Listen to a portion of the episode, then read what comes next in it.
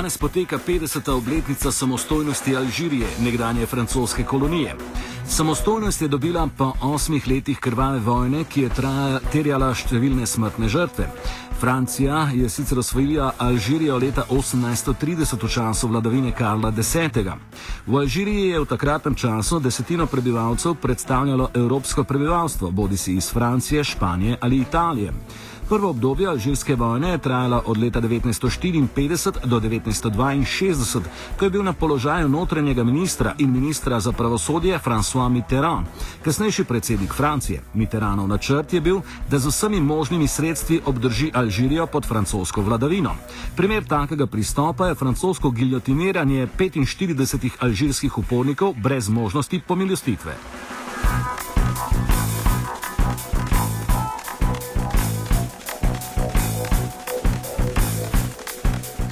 Grozovito stanje se je v Alžiriji do leta 1958 samo še slabšalo, ko je bil maja istega leta na oblast izvoljen voditelj odporniškega gibanja iz druge svetovne vojne Charles de Gaulle. Generali iz Alžirije in tamkajšnji francoski priseljenci so v de Gaullu videli edino rešitev razmer v Alžiriji. Več o politiki de Gaulla do Alžirije nam je povedal Primoš Terbenc z Fakultete za družbene vede.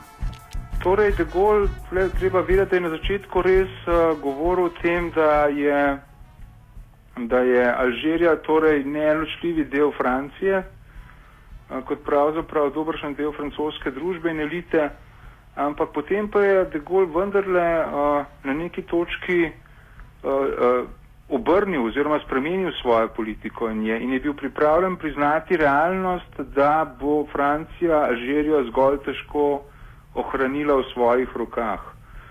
Zato ni na ključje, veste, da je ravno med uh, vojno za neodvisnost v Alžiri, torej med leti 54 in 62, so se v francoski družbi začele polarizacije, torej med tistim delom družbe, ki vendar je bil pripravljen bolj, bolj benevolentno gledati na alžirske zahteve po neodvisnosti in pa nekim zelo ultrakonzervativnim delom, ki je na neki točki, torej to moramo povdariti, načrtoval tudi državni, vojaški državni udar proti uh, Šarlu de Gaulle, uh, ki je leta 1958, to ni na ključe, ravno med Alžirsko vojno postal prvi predsednik pete francoske republike in dobil velika pooblastila. Torej manj znano je, da je bila ustanovljena uh, tako imenovana organizacija tajne armade, ki jo je vodil general Louis Salan in ki je eh, torej izvedla tudi več atentatov na Degola z enim ciljem, namreč z njegovim obojem naj bi Francija pridobila Alžirijo. Pa še nekaj bi dodal.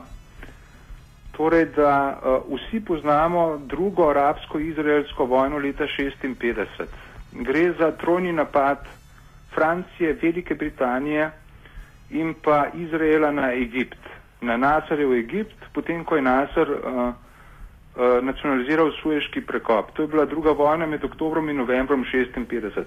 Ampak manj znano pa je to, da je bil poglavitni razlog za trojni napad pravzaprav ideja Francije, da s tem, ko bi te tri države zrušile Nasarja v Egiptu, je Francija rezonirala potem, naj bi, se, naj bi bil pravzaprav zatrt tudi upor v Alžiriji. Torej, francozi so bili prepričani, da upor v Alžiriji generira pravzaprav oziroma da mu največjo moč daje politika Gamala Abdela Nasarja. Zato, zato so tudi začeli nagovarjati uh, Britance in pa Izraelce naj se skupaj odpravijo od Nasarja. Skratka, menili so, da če pade Nasar, potem bo zatrt tudi upor v Alžiriji, torej ta politika je bila seveda napačna. Da bi pa ilustriral, kako pomembna je bila Alžirija za Francijo, naj pa povem tudi to, da so francozi svoj prvi jedrski poskus izvedli februarja 1960 v Alžirski puščavi.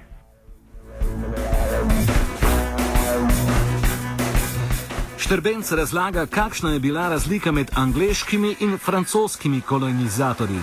Je torej najprej moramo vedeti, da, da sta Francija in pa Velika Britanija bili dve sili, ki sta zelo naglo prodirali v ne zgolj v arabski svet, ampak tudi v Afriko in da, si, da ste si pravzaprav, da ste si razdelili torej večji del, pretežni del Afrike, tudi Severne Afrike in pa arabskega sveta in pa pravzaprav celotnega muslimanskega sveta.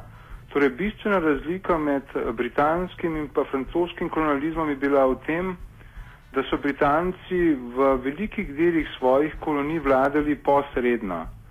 Torej, šlo je za indirect rule, torej posredna vladavina, pri kateri so se naslanjali na domače, neke že prej obstoječe oblastniške strukture, tudi religiozne, politične, družbene in tako naprej.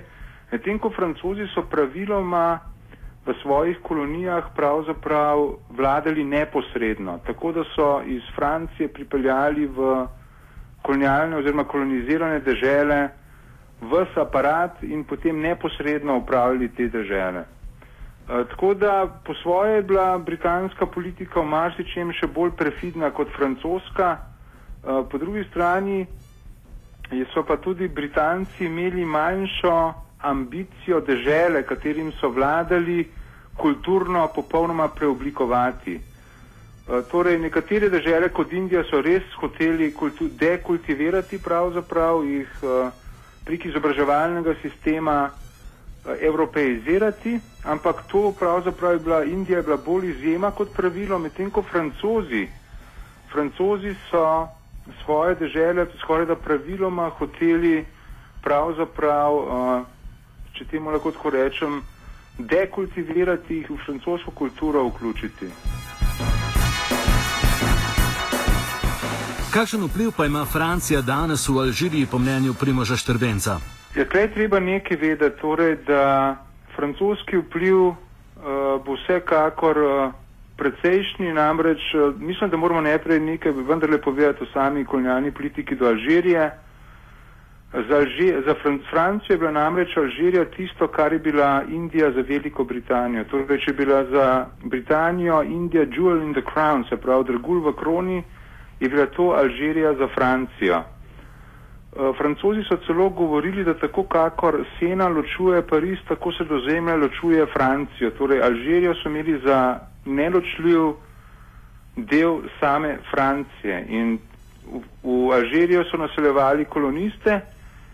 Res je, da je večina kolonistov odšla, torej uh, po koncu vojne za neodvisnost oziroma zbežala, da je morala zbežati.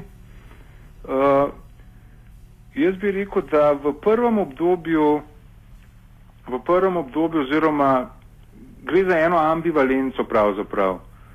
Po eni strani se, so se nove alžirske oblasti, uh, ki so prišle na oblast po letu 62, torej po pridobitvi neodvisnosti, trudile, da bi čim bolj zabrisale, zabrisale uh, vezi s Francijo, oziroma je neka maščevalna politika do Francije obstajala, neka politika averzije, odpora do francoske, fran Francije kot države.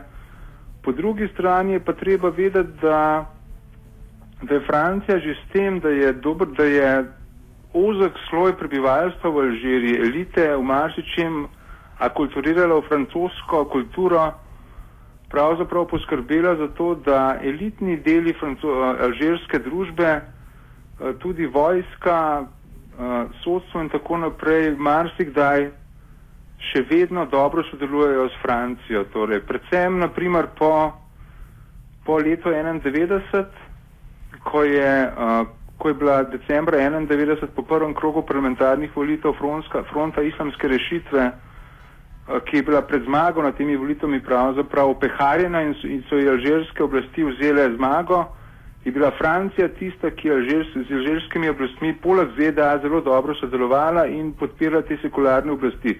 Moramo namreč videti nekaj, da kolonialni gospodari so v arabski svet prinesli neko specifično politiko sekularizma.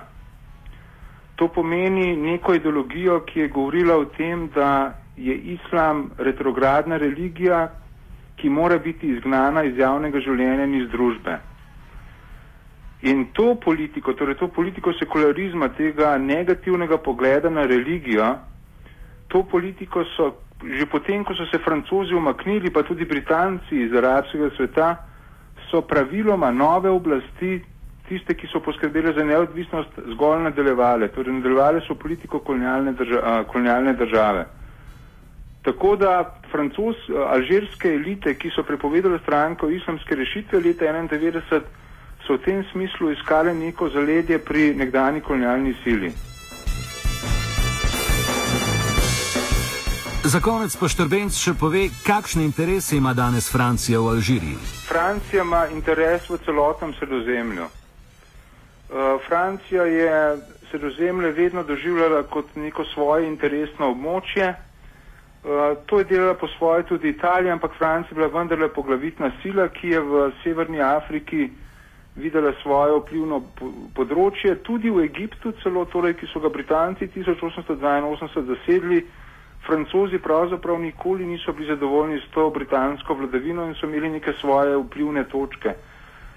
Uh, Francija želi imeti seveda, uh, želi pravzaprav imeti vpliv da, tudi danes v uh, sredozemlju, pri tem, da je treba veriti, da znotraj Evropske unije oziroma Evropskega integracijskega procesa obstajata kot dve najmočnejši državi, seveda Nemčija in Francija. In medtem ko Nemčija želi Evropsko unijo vedno znova torej na nek način obračati proti vzhodni oziroma srednji Evropi, ker ve, da ima tam večji tradicionalni vpliv, pa Francija seveda želi težišče Evropske unije prenašati vedno znova proti jugu, proti sredozemskemu območju. Zato ni na ključe, da je Nikolaj Sarkozy torej uh, pred tremi leti koncipiral tako imenovano Unijo za sredozemlje oziroma neko, neko politiko Evropske unije nasproti sredozemskemu območju.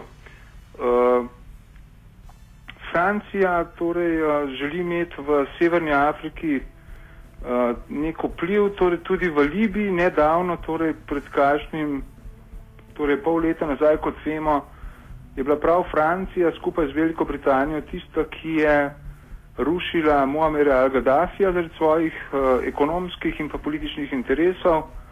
Tako da vse, ko prej moramo vedeti, da sredozemlje želi nadzorovati Francija, predvsem, potem pa se tukaj tudi v, v Libiji eh, tej politiki pridružujeta tudi Velika Britanija in Združene države Amerike.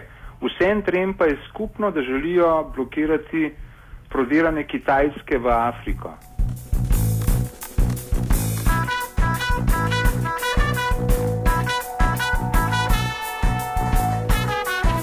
Offside sta pripravili Aleksandra in Petra.